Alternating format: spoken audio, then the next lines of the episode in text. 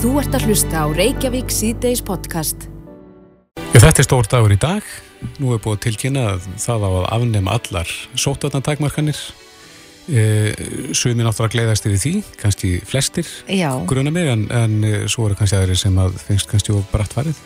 Helbriðsáþur að sagði í dag að þetta verður gleði fréttir að, að nú væri raun, bara í raun ekki lengur forsendur fyrir þeim takmarkunum sem við hefum búið við að undarförnu mm. -hmm. með að við hvernig þróun að faraldrinum er og þá aflita öllu uh, aðfara nótt föstudags, semst á miðnætti á föstudag. Já, og mig grunar að einn hópur umfram annan fagni mun meir.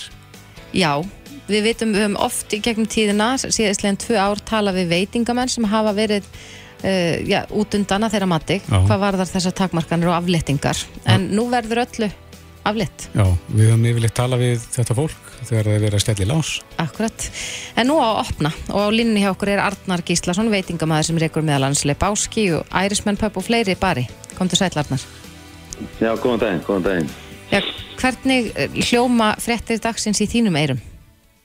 Herru, þetta hljóma bara ótrúlega vel og við hér eru bara allir spenntir og það er byrjað mann upp og það er byrjað, held ég að hlafa bara í bílana frá Ölgerðin sem komin er í bæ í fyrramáli bara með fullt af vörum fyrir landan. Þannig að þetta verður miklu gleði dagar framöndan. Mm Þessu verður aflétt á aðfaranótt föstudags. Er gott fyrir ykkur að hafa smá undirbúningstíma áður en að allt opnar upp á ný, bara til þess að geta hreinlega manna vaktir og fleira? Já, það er, svo sem ágætt að að maður vil ekki hafa ofurlangan tíma heldur, sko, eitthvað fram meður helgi, þannig að þetta er mjög fínt að hafa þetta núna og vera þá komni bara með allt 100% á fyrstudaginn að ná í dýraverði og, og barþjóna og fleira. Já. Og vörur. E, Vantar þið stafsfólk eða er allt til reyðu? Nei, sko, ég held að vanti nú á marga staði í bænum, en það er allir, held ég, búinir að vera svona undirbúið þessu síðustu daga og vikur og út af að maður svona bjóst við því að þið myndi fara að aflita, þannig að þetta er, ég held að allir séu orðið bara 100% klárir í bátana, eins og er. Mm Hvernig heldur að stemningin í miðbænum verði á föstaskvöld? Herri, ég held að hún sinna bara byrjuð. Það er alltaf einhvað fólk komið inn á barina núna bara til að fagna og, og mögulega starfsfólk sem á að vinna helgina. Það er alltaf kannski bara að nýta miðvitað og, og fymtudag í að gleiðist yfir þessu. Af svo það, það, það taka vaktinu þegar aðri komast út. Mm En ef þú lítir að því við, eins og sögum hérna, við höfum talað við nokkru sinnum í gegnum þennan faraldur, en svona ef þú svona strikar undir núna, hvernig hafa síðustu tvö ár verið? Þetta, þetta hefur verið áraðanlega, ég er nú búin að vera í þessu hátt í 15 ár og þetta er þetta án efa erfiðustu bara árið sem ég hef verið í þessum bransa og ég held að það muni taka okkur að sjálfsög góðan tíma til að jafna okkur á þessu en einhvern veginn þá færi maður alltaf einhvern auka kraft og maður vonast til að hérna, þetta haldi nú bara áfram svona. Mm að hérna, ég veit ekki eða bara hugsa út í það að fara að þrengja aftur og loka og, og ég nenni ekki eins að fara að hugsa út í það að við erum alltaf að fara að þrengja aftur og loka maður tekur það bara á því það er að kemur von. Voru margir sem að þú veist um sem að einfallega lögðu upp laupana, sem að hættu í rekstri? Já, það er margir sem ég veit að hafa þurft að endurskipilegja rekstur sinn, hvort sem það er að fá inn nýja hluthafa og annars líkt og jafnvel bara minka vissi hafa kannski verið með tvo-þrjá staði og eru jafnvel komni með þá bara einn.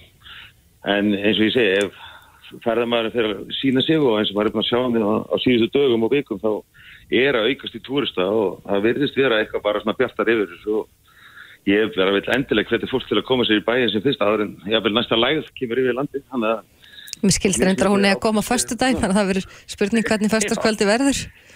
Þannig ég veit bara hvernig fólk til að bara koma sér út í dag bara, nota góða veðri með að blíða með svona í kvöld, kvöld og morgun og, og svo bara reyna að standa að sér læðina þá yfir helgina, ef hún er að koma. Já, uh, í dag á fundi, eftir fund ríkistjórnarinnar þá voru uh, bæði heilbriðsráþara og fórsættisráþara að spurða því hvort þið vættum ennþá svona væri ennþá tilmæli að fara varlega og, og þá voru nú kannski einu tilmælin þau að, að þyrstum að gæta okkur og þeir sem eru veikir að halda sig heima. Býstu við því að, að, já, að fólk sem að kemur, fer út á föstudaginn verði bara hennilega eins og beljur á vori? Nei, ég er svona býst við því að hérna, fólk kannski bara hægja sér í samræði við það. Það er þetta ennþá fullt af fólki með veiruna í sér og hérna, ég von- vona bara fólk sem er veikt það haldi sig kannski þá aðeins til lés og, og hérna gefur sér þá nokkra daga í vitt og komið þá bara ennþá meira sterkar inn í næstu viku sko. Mm En við erum orðin vön þessu sóttvarnar takmörkunum og svona þessu, þessu personlegu sóttvarnum. Koma þau til með að haldast? Verða spritbrúsar á þessum stöðum áfram, heldur þau? Já, við, allavega okkur eins og við höfum rætt að þeir muni vera borðanum og það muni ennþá vera blöð uppi að hérna, bara halda áfram allavega að klára þessu spritbyrði sem við erum með inn á lag og við hefum ekkert annað að gera við þetta en að hvernig fólk til að nota þetta. Nei. Þannig að, jú, jú, auðvitað hvetjum við til að fólk færi valli og sérstaklega þeir sem er með enginni að þeir haldi sér til hljés og sama höfum við sagt í starfsfólki okkar að við ætlum ekki að draga það í vinni að það er veikt og bara leifa þessu svona ganga hægt og róla yfir. Þannig að en svo má líka aðeins slettu klauðanu kannski og, og, og skemmta sér en þetta með smá svona varkarni Hvenar lokið þið um helgina? Herri við ætlum að loka bara hálf fimm. Það er alltilis, maður er búin að gleyma því eða hvernig þetta var hérna áður. Já, maður er eiginlega að fara að leggja sig kannski bara svona fyrirpartags til að komast út eftir minnandi Já, heldur að fólk hefur orku í þetta ennþá? Já, ég held að fólk fái bara auka orku. Það með að hættandi sól og, og solis þetta er tvílir gleði gæfi að geta fara aðeins út og vera ekki hérna, skildaður heim klukkan nýja á kvöldi það er kannski bara hendar ekkit öllum það er nú, það er solis bara Akkurat. Já, Arnar Gíslason, veitingamæður, við segjum bara til hamingju með daginn og takk fyrir Já, þetta. takk fyrir það og ég hveti allar til að koma þér í bæn og kíkja pöppana Akkurat, takk fyrir það. Það er gott, Já. Þú ert að hlusta á Reykjavík C-Days podcast. Reykjavík sýtis á bylginu heldur áfram. Nú ætlum við að snú okkur aðeins að, eh, já, að Evrópu en uh, samkvæmt frétt hér á Ríkisútarpinu þá hefur úkrænski herin kallað til varalið og öryggisráð Úkrænu samþýtti dag að lýsa yfir neyðarástandi. Þetta er mjög eldfimt ástand og augu alheimsins eru á þessu svæði e, og e, Vesturlöndin þegar að farin að beita þvingunum gegn e, rúsum og þá sérstaklega peningaöflunum sínismanni Akkurat. og hátsettum mönnum í Rúslandi. En á línunni er e, maður sem að þekkir, gjörþekkir þessi mál fyrirverandi sendiherra Íslands í Rúslandi og sérfræðingur í alþjóðamálum Albert Jónsson, kom til sæl. Já, sælverið því. Já, hvað sýnist þér, hvað, hvað sýnist þér þessi deila stefna? Já, sko, ef við horfum þarna til um, austurlutans, Donbass svæðisins, sem að þar sem það gerðist á mánudaginn að, að uh, Putin fórseti lísti yfir að þeir viðkendir þau svæði sem að aðskilnaða sinnar hafa lagt undir sig að þar er, og þar höfðu átök magnast, undanfarnar dagana þar áður, þar er villist vera ákveðið hlje á, á alveg en þó ekki vegna þess að gæð bætti Rúslandsforsiti í og sagði að viðurkenningin frá mánudeginu næði ekki bara til þeirra svæða sem aðskilnaðsinnarnir hefur lagt undir sig, þannig austurlutanir sem kallaði Donbass heldur til svæðisins alls. En, en, en, aðskilnaðsinnarnir ráða bara yfir 30% þannig að núna er hugsanlegt að, að, rúsnest herfið sem er komið inn í, inn í um, austurlutan að það haldi áfram og leggji þá undir sig uh, afgangin af uh, Donbass, þessi 70% sem aðskilnaða sinnarnir hafa ekki náð uh, höndum yfir. Þannig að það er hugsanleg, uh, hugsanlegt næsta skref, en, en akkurat núna virðist vera hljega næstu í, í átökunum í, í Östur-Ukrænu og það skiptir miklu máli hvernig þau þróast, eða hvernig málinn þróast í þessum hluta landsins.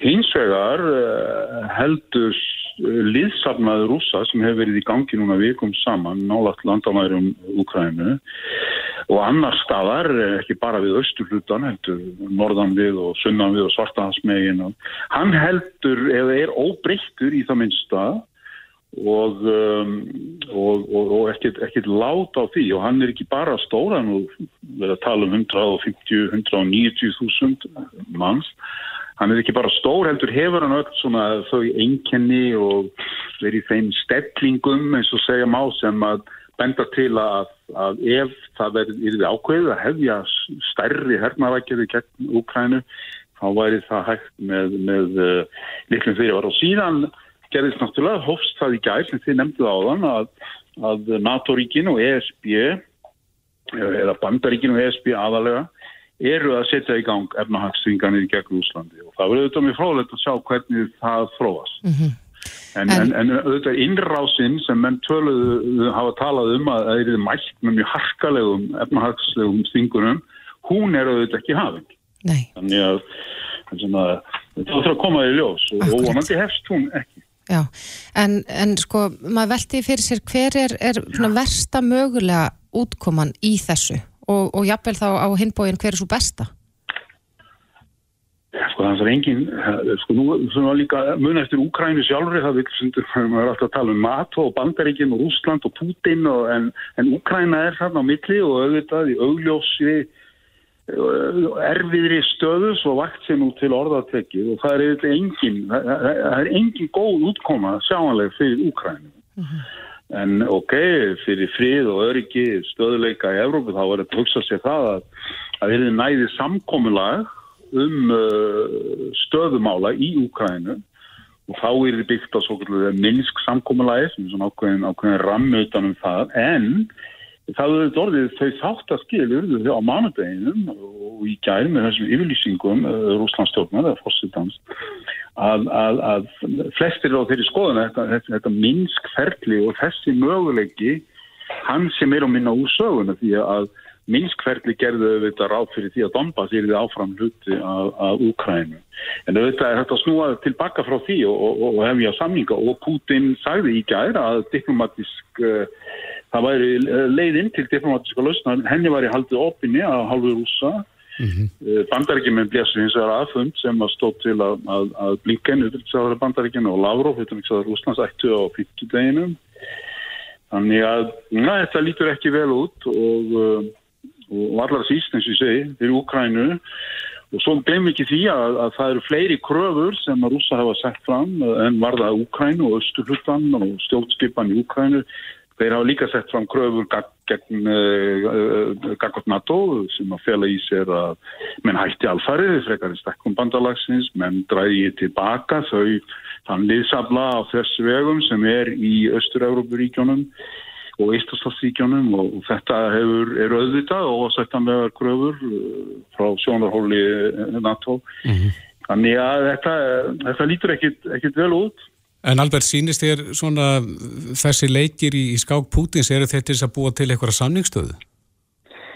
Já, það er það sem ég meina, sko, það, það er náttúrulega hugsanlegt að, að, að, að minnsk samkómalagi verði, það verði blásið aftur lífið í það og þá verði þetta að þessi viðurkenning og komin herlið eða fljókjastlið eins og húslandstjók kallaða inn í austurlutan að það verði notað í, í samningsstöðu í þeim samningum, við eins og, já, eins og þú bendir á, já, þetta nota til að styrkja samningsstöðu stöðu rúsan. Mm. Það er hugsanlegt en hinn möguleikin er að þetta bara haldi áfram og það er ennþá haldið fram á halvu bandaríkastjórnar að, hættan á, á stórfældri innrás í Úkrænu sé ennþá til staðar. Mm -hmm.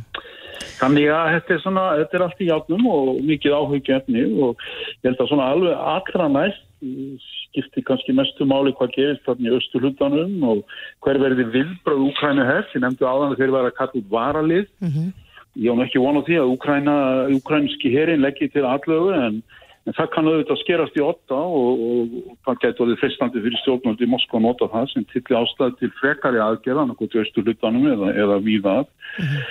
og, og svo eins og sjá það, munir rús, rúsneski herin eh, taka ágangin af þessu Donbass-svæði og uh, síðan auðvitað mun þessi, eins og ég segði, efnahagstingana málið, það mun auðvitað þróast en En sko, í mörg ári eru búin að vera efnaðarstinganir í gangi gegn rúsum, alveg frá því þeir lögðu undir sig kringskagan 2014 og þær hafa auðvitað ekki skil árangur eins og við sjáum. 90.000 permenn við landamæri Úkræni, það er ekki mikil árangur eftir 8 ára efnaðarstinganir, þannig að En þessar efnaðarstinganir núna... Eitthvað, eitthvað mikið meira þá þarf að beita miklu, miklu harkalir aðgerðin mm. eins og Úkrænumenn er að kalla eftir en það verður auðvitað mjög erfitt.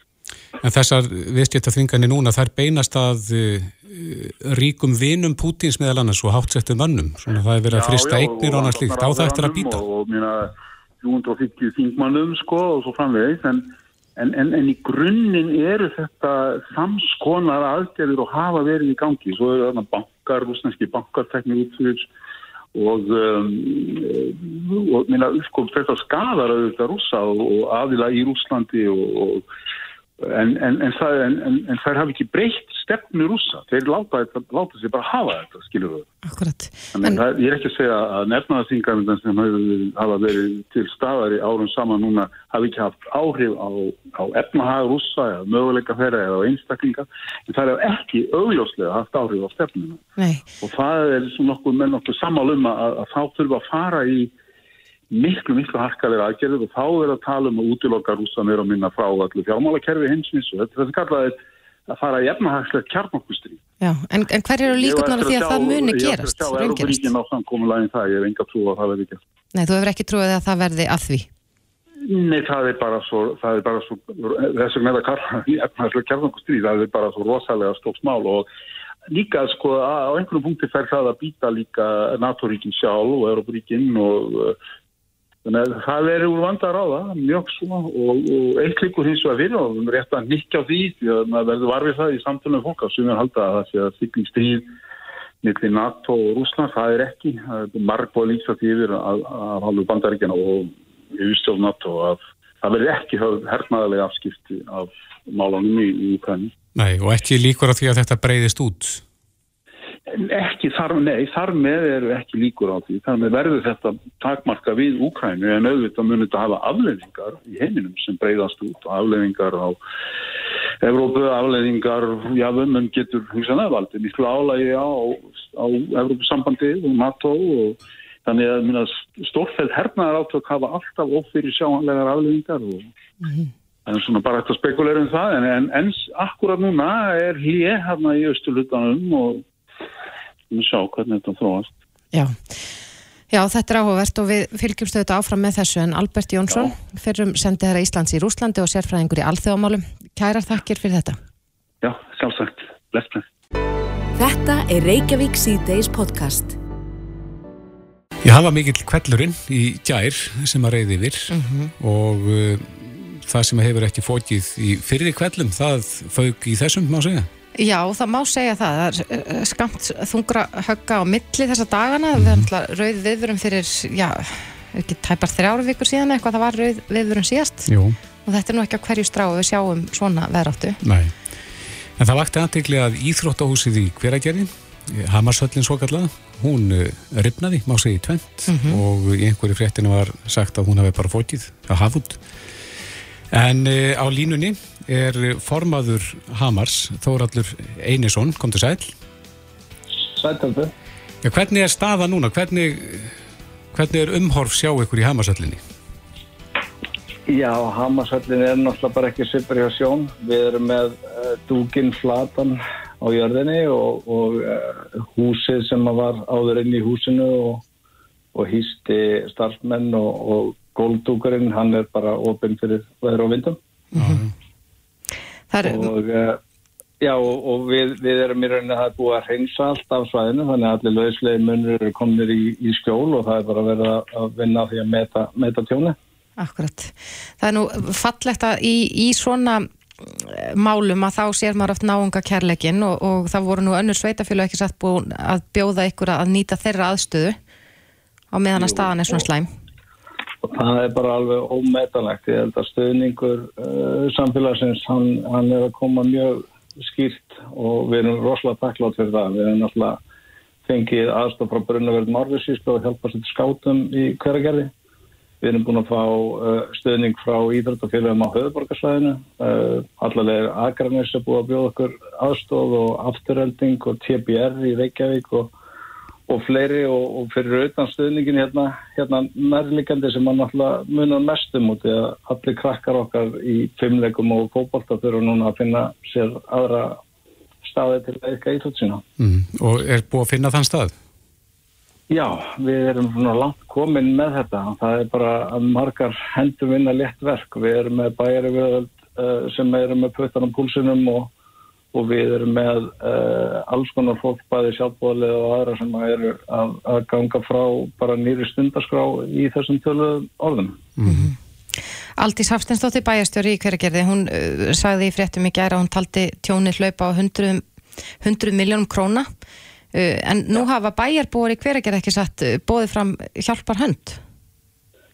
Jú, það er bara, við erum með uh, aðeila sem hafa bóðið bóðið fram aðstofn sína í við, við hvað sem er, hvað sem er að smyrja samlokur eða, eða mæta með vinnutæki á svæði til þess að gera eitthvað en það er einfallega þannig núna að við erum svolítið bara að, uh, að meta stöðuna og uh, Hamarsvöllin verður mun og aftur vísa á sama stað, hvað sem hún verður í þessu formi eða eða ekki, þannig að við, við erum bara að taka þetta eitt skref í einu og, mm. og gera það sem við getum til þess að koma þessu áfram. En er eitthvað að vita hvað, hvað gerðist og svona þannig að menn getur þá forðast annað eins tjóni í framtíðinni? Já, það sem að gerist náttúrulega er að húsið opnar, það kemur rifa á dúkinn og það er unni þrýstingurinn sem að vantilega við það þó að það, það er alveg eftir að rannsaka uh, nákvæmlega hvað veldur því að, að þetta gerist en uh, það sem að gerist er að þegar þeir eru að, að reyna að loka uh, reyfinni þá bara hérna springur það með þessum afleggingum þannig að það var bara mikil mildi að, að starfsmenn bæjarins og, og þeir sem að voru á staðnum skildi ekki verða undir. Mm -hmm. En eiga svona hús, svona bubluhús að þóla svona viður? Já, alveg klarlega og það var búið að gera mikla greiningu á þessu áður en að, að það var farið í að, að reysa þessa byggingu mm -hmm. Og í sjálf og sér hefur húsi staðið á sér miklu verri viður heldur en þetta og verið í gær hafi þetta verið mjög slæmt. Já, en eru, eru þið búin byrjuð að ræða eitthvað um sko framtíðina? hvernig þið ætli að, að, að, að reysa þetta á nýju og hvort það verði með saman móti? Já, við, erum, við byrjum bara strax í, við, við byrjum að funda bara strax í gær morgun uh, og við erum öll mjög samstíga hérna á svæðinu uh, eins og ég segi það er margir sem, sem að koma að þessu og og við erum bara virkilega björnsín á það að, að við getum komið öllu í, í samtorf bara uh, inn, innan skams og auðvitað, auðvitað segjum við innan skams en það fyrir þetta mánuðis uh, í, í að við komum öllu í aðlegt horfa mm -hmm. aftur. En er dúkurinn, er, er hann ónýtur? Verður þetta að gera við hann eða þarf bara nýjan?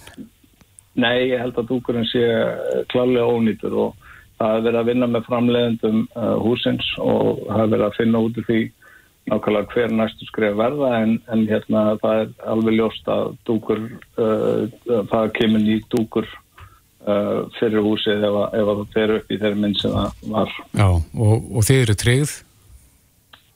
Já, það er náttúrulega fyrstu frettir eru góðar á því að það er búnaður og, og húsið sjálft er, er treykt, þannig að við, við bara vonum það besta.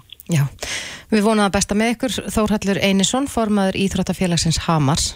Kæra þakki fyrir þetta og gangi ykkur vel. Eh, takk fyrir gæla. Velbæsa. Þetta er Reykjavík C-Days podcast. Já eins og áður hefur komið fram að þá er þetta stór dag þegar það kemur að faraldrinum mm -hmm.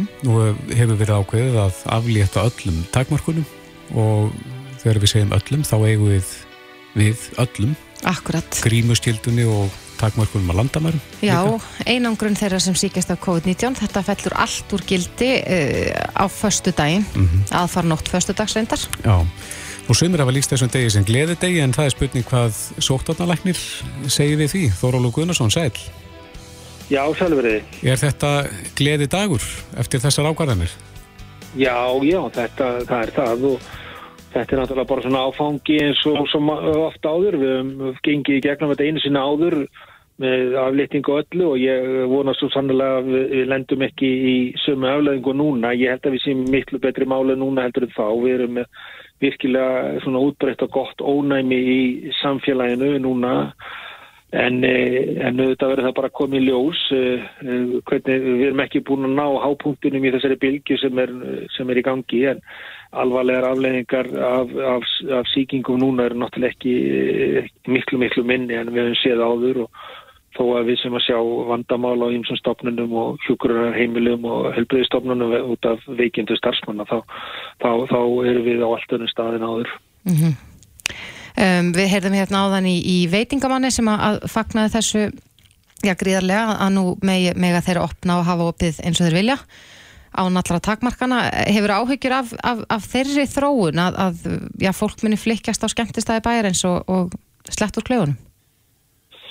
Já, já, þetta hef ég það einhverju leiti og, og hérna, en ég held að sé full ástæða til bara að hvetja fólk áfram til þess að gæta vel að sínum uh, uh, sýkingavörðun og sóttvörðum að passa sig. Það er, veiran er náttúrulega í, á miklu flugi í samfélaginu og, og svo er faraldurinn ekki búin í heiminu þannig að hvað gerist í áframhaldinu það vitur við svo sem ekki en, en eh, ég held að það sé fulla ástæði til að fólk fari í rólega þann, og það vita allir hvað það þýðir og, en að öruleiti er þetta bara, bara verður góðu dagur á fyrstæðin.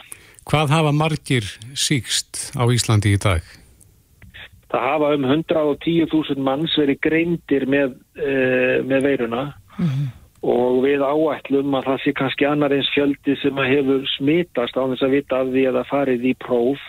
Það er áætlun og við veitum auðvitað ekki hvort að það er, er rétt áætlun en ekki en þá ættum við að svona kannski vera með þá tölu að 200.000 manns hafi uh, smitast. Og ef við erum að ná við viljum ná kannski upp í 80% af þjóðinni E, miður við það að gott ónæmi fáist þegar að sá hópur er búin að smittast og þá getur að tekið einhverja nokkra vikur í viðbót með sama hraða er í gangi þannig að þannig ég vona að við förum að ná toppi í þessari bylgu bara bráðlega eftir kannski einhverja vikur og svo, farið þetta svona að dvína allavega niður. Mm -hmm. En Þorlur, nú höfum við búið ja, við takmarkanir í, í tæp tvö ár og og svo erum við líka bara orðin vön þessu lífi sko, með COVID og, og farin að þekka reglurna þegar kemur að sínatökum og annað en nú á að hætta nær alfarið notkun PCR-prófa. Uh, hvernig verður verklaði kringum það núna ef að fólk telur sér vera smittað? Jó, við erum náttúrulega að uh, reyna að koma okkur út úr þessari bylgu og vonandi þýðir það bylgjan að komast út úr kannski þessum faraldri líka Eh, og hluti af því er líka að reyna að leta á þessum sínatökum og leta á því sem við höfum verið að gera.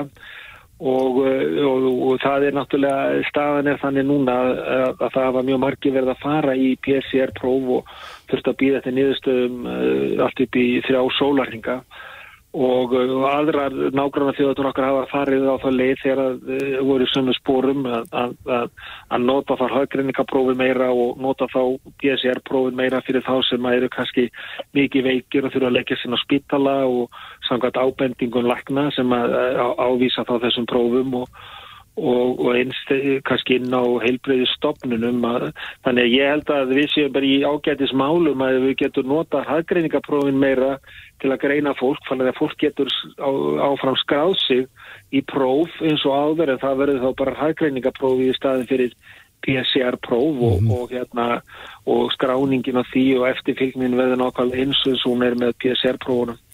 En sér þið fyrir Þórólur að að fólk geti tilkynnt jákvægt heimapróf inn á helsuveru? Nei, það verður mjög erfitt að gera það og, og við, við, þannig ef að fólk er með heimapróf og, og greinist jákvægt að fá uh, annarkort getur, ef að fólk veit fá virkilega greininguna skráða í, í kerfið og í, í, í sína sjúkraskíslu, þá verður það eiginlega að fara á, á heilsugjastlu stöði eða, eða í þessi prívat fyrirtæki sem er að taka hrækringaprófinu og fá þannig skráninguna á prófinu.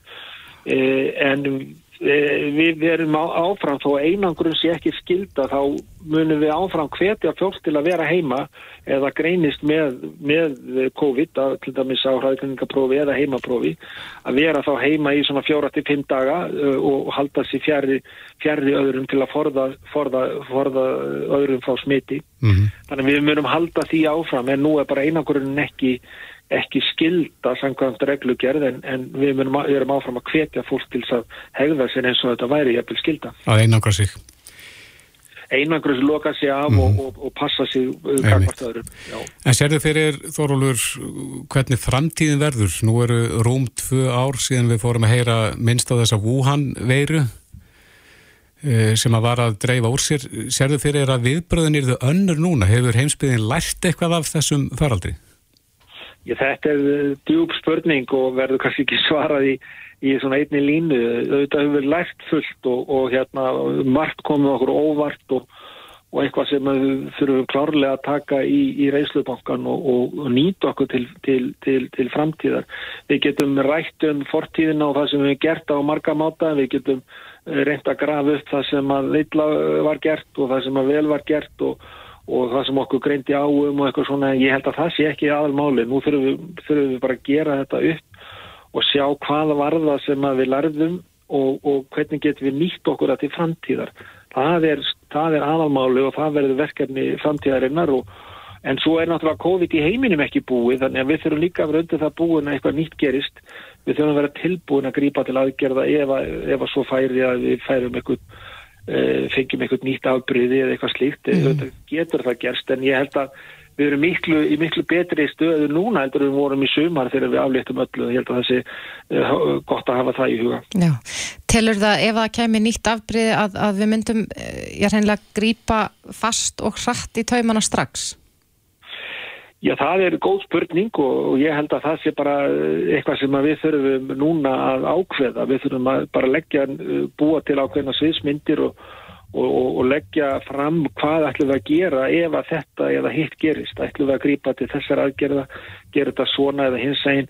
Þegar það er ekki mikil tími þegar eitthvað gerist þess að setjast niður og, og fara að bollalegja og ræða hlutina aftur og baka áfram eh, í, í langan tíma. Verður að það er eitt sem við höfum lært í þessu faraldri að það verður að grípa nokkur hratt í taumana og til, til aðgerða ef að við höfum að sjá uh, árangur þannig að, uh, þannig að uh, ég vona það að við höfum lært það. Er það verkefni þitt núna þar að búa til sviðsmyndir og, og ákveða hvað á að gera? Já, ef, ef þetta gerist? Já, það er náttúrulega fleiri sem koma að því, það er en þá á ábyrð sóttanleiknis og almannavarna búa til viðbrásáallanir og það er á þeirra ábyrg líka að, búa, að, að, að meta það sem hefur verið gert og fara í gegnum það þannig að þetta kvílir ennþá á sótartanleikni og almannavörnum að gera það en þetta eru fleiri sem að koma að því líka stjórnvöld og ymsir aðila sem að þurfa að hafa, hafa sko e, e, input í það En svona þín tilfinning, er þetta búið? Eh, ég held, að, ég held að þetta er ekki búið, við erum ekki búin að ná hábúndunum í þessari, þessari bylgu.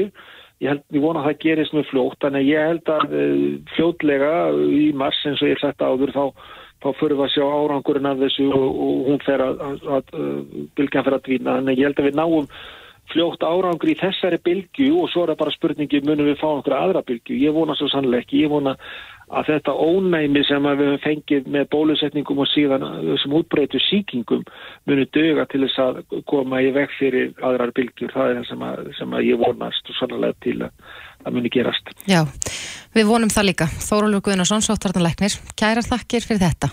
Já, sömulegis. Takk, takk. Reykjavík síðdeis á Bylginni podcast. Einn helsta frétt vikunar eru þetta ástandið á, á landamærum Úkrænu uh, og Rúslands? Já, margir eru aukandi, við sáum það bara í hjá okkur uh, þegar við spurðum hvort að fólk ótaðist stríði í Evrópu. Já, það var yfirgnefandi meirluti, ég held að 68% rúm sem að svöruði því játandi. Þannig að það eru margir aukandi og, og náttúrulega fréttinnar frá uh, Úkrænu eru er ekkert bjartar.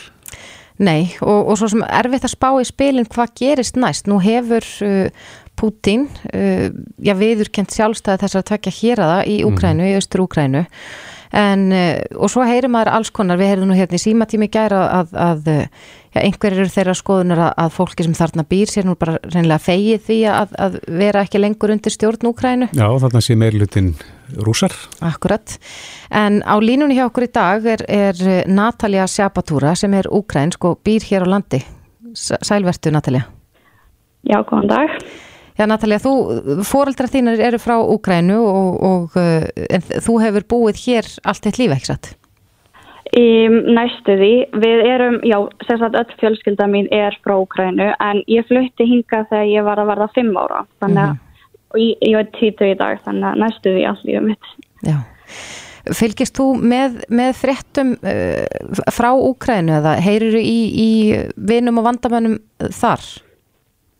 Ég persónulega fylgist ekki með fréttunum en ég heyri náttúrulega frá mömmu minni uh, sem er kannski að lesa eitthvað og náttúrulega þegar við erum að tala við fjölskyldun okkar úti þá heyrir maður eitthvað. Ég er samt ekkert mikið að fylgjast með eins og þessum fréttum og pólitík og svona en maður svona heyrir eitthvað hér og þar. Mm -hmm.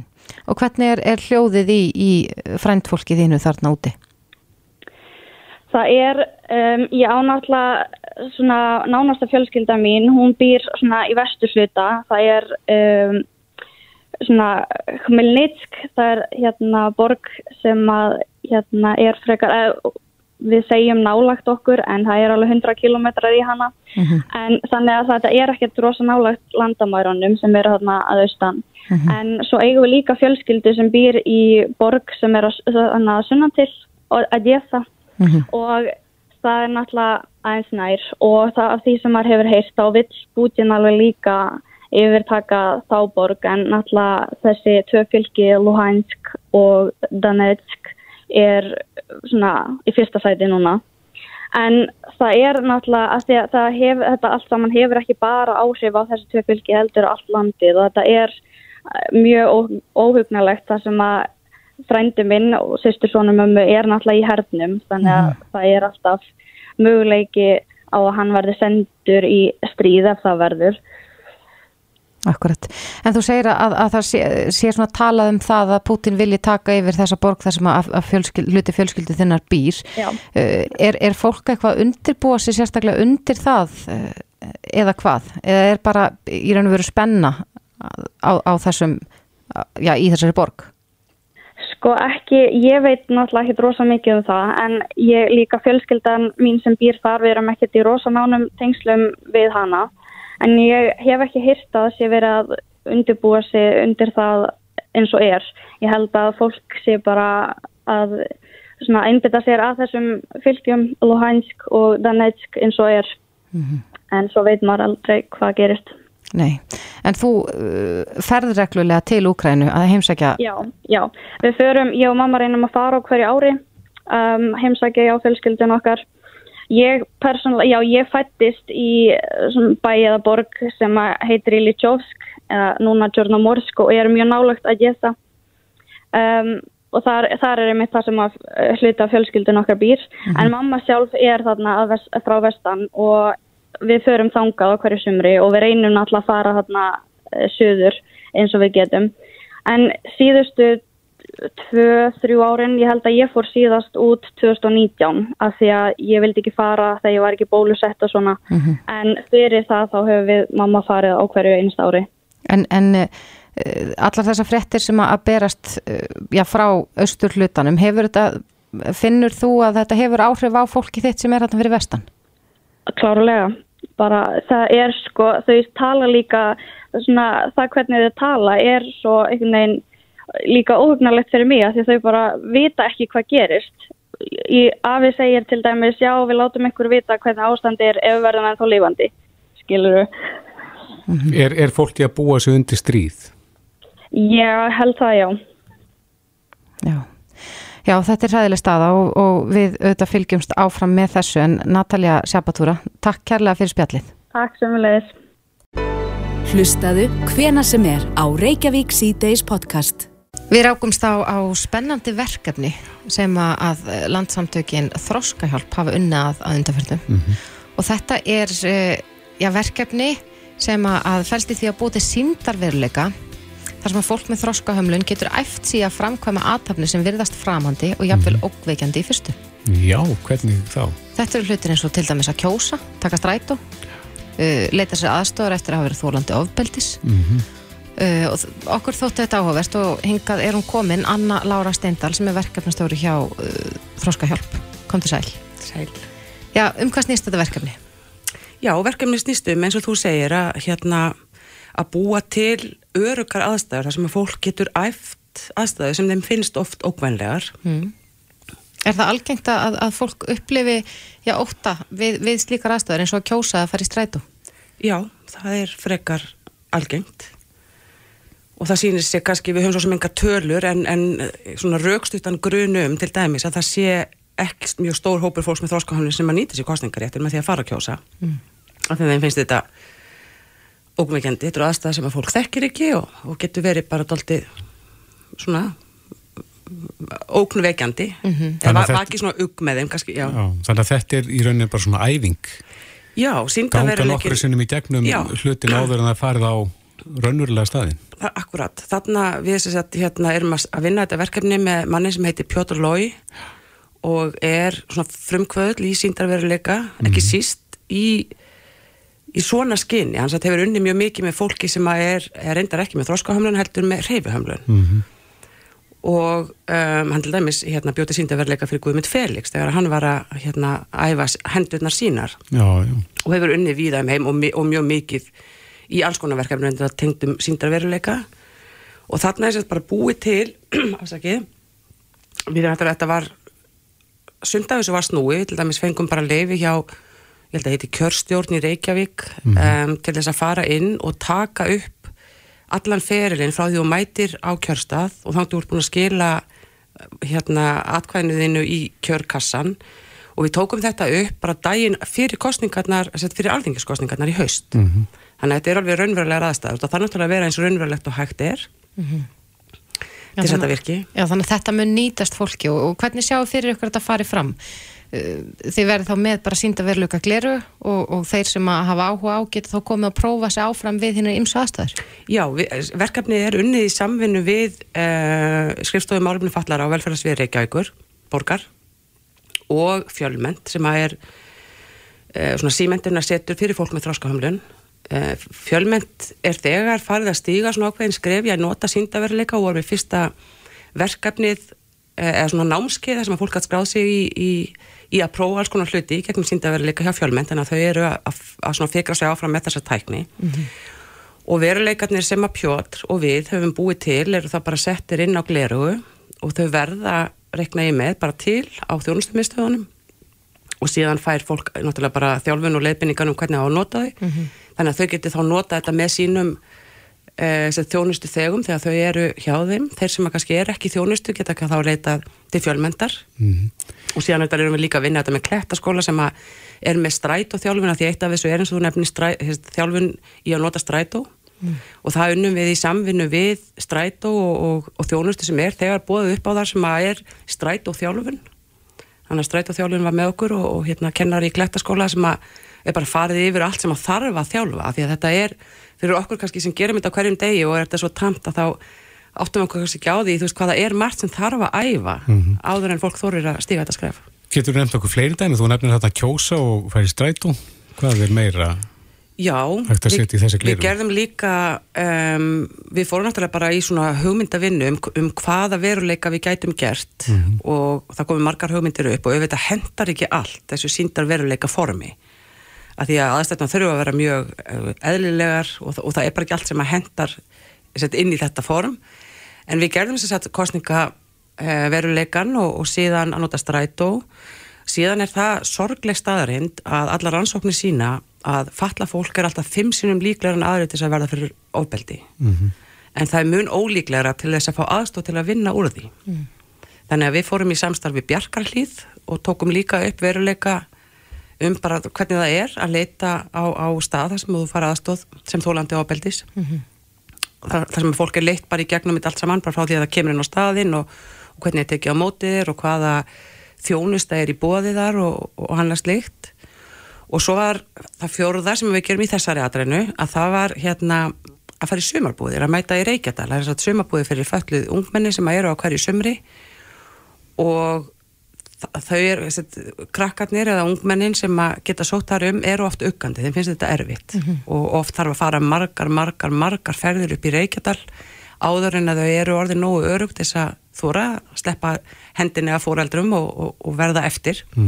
En þetta verður gert þeim auðveldar þá með því að hafa, þá erum við bara með síndarveruleika um, hjá styrstafélaginu og þá þurfum við ekki að vera keiralega upp í Reykjadal og allt þetta. Akkurat. Finnið þið fyrir áhuga bæði hjá sko einstaklingunum sjálfum og svo aðstandendum fyrir, fyrir þessu verkefni að þetta geti svona auðveldað uh, þeim lífið?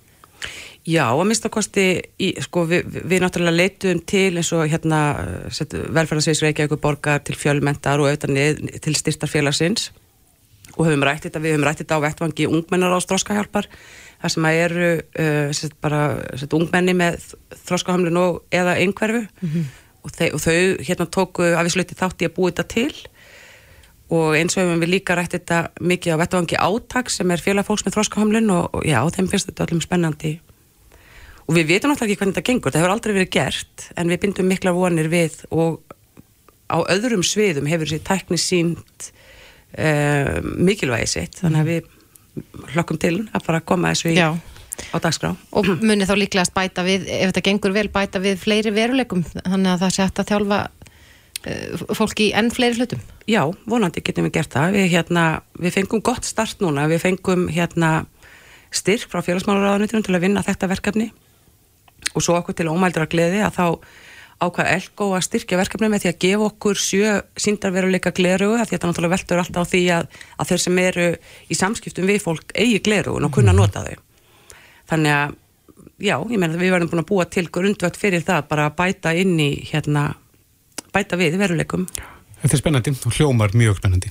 Já, og ef ykkur langar, að- ef ykkur langar að prófa þá er frumsýningapartí á Lofthostel á föstudaginn 4. mars og þetta er opinn hérna viðbörður þannig að það er bara allir velkomnir að koma og prófa. Glæslegt. Anna Lára Steindal, verkefnastjóri hjá Þróska Hjálp. Takk kærlega fyrir komuna. Takk fyrir mig.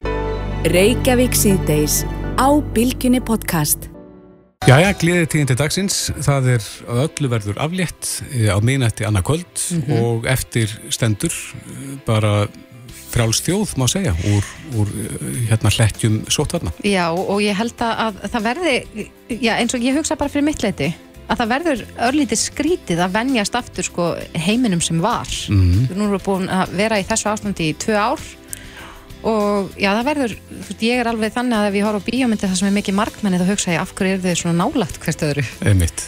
Þannig að maður þarf að venjast frelsun aftur en, eh, en það er spurning hvernig ferðarþjónustan sem að hefur nú verið í hlettjum uh, sótvarna undanfannum tvö ár, hvernig hún tekur þessum tíðindum. Akkurat. Á línun hjá okkur er Jóhannes Þór Skúlason, framkvæmdastjóri samtaka ferðarþjónustunar. Komdu sæl Jóhannes. Sæl. Já, þetta hljóta að vera gleði tíðindi fyrir ykkur að nú verður öllu aflétt eh, líka á landamærunum. Já, ég held við getum alveg sagt að reynskilslega að við höfum átt verri daga í ferðarþjónustinu undan færum tvö ár. En breytir Þetta þetta, náttúrulega bara mjög gleðilegt. breytir þetta svona framtíðarspám ykkar um, um komu ferðamanna hingað? Já, við vorum náttúrulega farin að sjá fram á að eftirspurnin væri á nokkuð góðum stað fyrir sumarið og við höfum séð það að það sé svona líkur á því að við, við verðum með bara nokkuð velbókað sumar um, og vonandi þá inn í höstið. Þetta þýðir þá náttúrulega núna að það sé verið að aflétta öllu, það þýðir það að við erum svona í, ef að segja, í, ferri hlutar af því allavega í Evróp og, og svona gagvart okkar samkjöfnislöndum þar sem að við sjáum að, að við erum þá komin með heldur betri stöðu, minna vesen, minni takmarkanir heldur en svona flest samkjöfnislöndin í kringum okkur. Er það fljótt að skila sér? Það hjálpar auðvitað. Já, við, við höfum séð það til dæmis núna bara millir janúar og februar að það að það skildi verið að fara að slaka á takmarkunum bæði hér og erlendis, að það hefur skilað sér í svona mjög snöggu, snöggri uppseflu á, á pantunum. Það er þá til dæmis bara fólk sem að frestaði fyrir í, í desember og janúar sem er að, að útfylla þær núna í, í februar og, og síðan þá þessar svona skamtíma bókanir sem kom inn með skammum fyrirvara. Það er líklegt að þær komið þá, verði þá fleiri af þeim mögulega og, og hérna það að þetta er bara mjög jákvæmt fyrir okkur og, og það sem við höfum haft mestra áhugir af er að vera í þeirri stöðu að það séu meiri takmarkanir hér en, en í, í okkar, í öðrum áfangastöðum sem fólk er að horfa á þannig að, að nú er svo staða af og það er bara mjög gott mál. E, náttúran, hún er náttúrulega skorar alltaf hæst þegar að fólk er spurt hvers vegna það komið til landsins en, en næturlífið svona fyrir faraldur var nú stór partur e, af því er það ekki líka? Jú, jú, fyrir ákveðin kúnahópa þá er íslenska næturlífið nokkuð svona vel þekkt sem, sem skemmtilegt og, og áhugavert og, og þannig að það er náttúrulega hjálpar alveg til og auðvitað er það náttúrulega gríðarlegu munur fyrir rekstraðila bæði í veitingarekstri og, og þá sem eru með skemmtistadi og bari að, að geta núna farið að, að keira á fullum afkostum, vera með fólki í, í fullri vinnu og, og, og ná inn þá tekjum til þess að, að vinna upp á móti því sem að tapast hefur. Þannig að þetta er náttúrulega bara gríðarlega breyting fyrir mjög marga í þessum, þessum bransa og, og það er afskaplega mikilvægt. Mm -hmm. Já, við veitum auðvitað að sumarið er, er svona, já, kannski hápunkturinn af, af uh, túristatíðinni hér, en hvenar byrja túristatnir að koma? Við veitum auðvitað að það er einhver hérna núna, en, en, en hvenar byrjar svona, já, vertíðin? Ég vil segja svona vertíðin ef við horfum á, á háönnina eins og við, við köllum það inn á sumari, þá uh, er svona hefðbundi það byrjum miðjan mæ. Við verðum aðeins að sjá hvernig það verður núna, hvort það verður eins Uh, april má segja er alltaf svona lágpunkturinn á árinu Þar koma saman axlirnar, niður, niður lútandi axlir bæði annars vegar jólavertegin og hins vegar sumarbyrjunar og svona upp úr april, eins og þetta um miðjan mæ og þar upp um að búast við þetta að fara að byrja fyrir alveg. Akkurat. Já, það verður spennandi að sjá hvort að það fyllist hér alltaf ferðamönnum en, en þið takið fregnum dagsins fagnandi. Við gerum það sannlega. Jóhannes Þór Skúlason, frangandastjóri samtaka ferðarþjónustunar. Takk kærlega fyrir þetta. Takk kærlega. Reykjavík síðdeis á bylginni.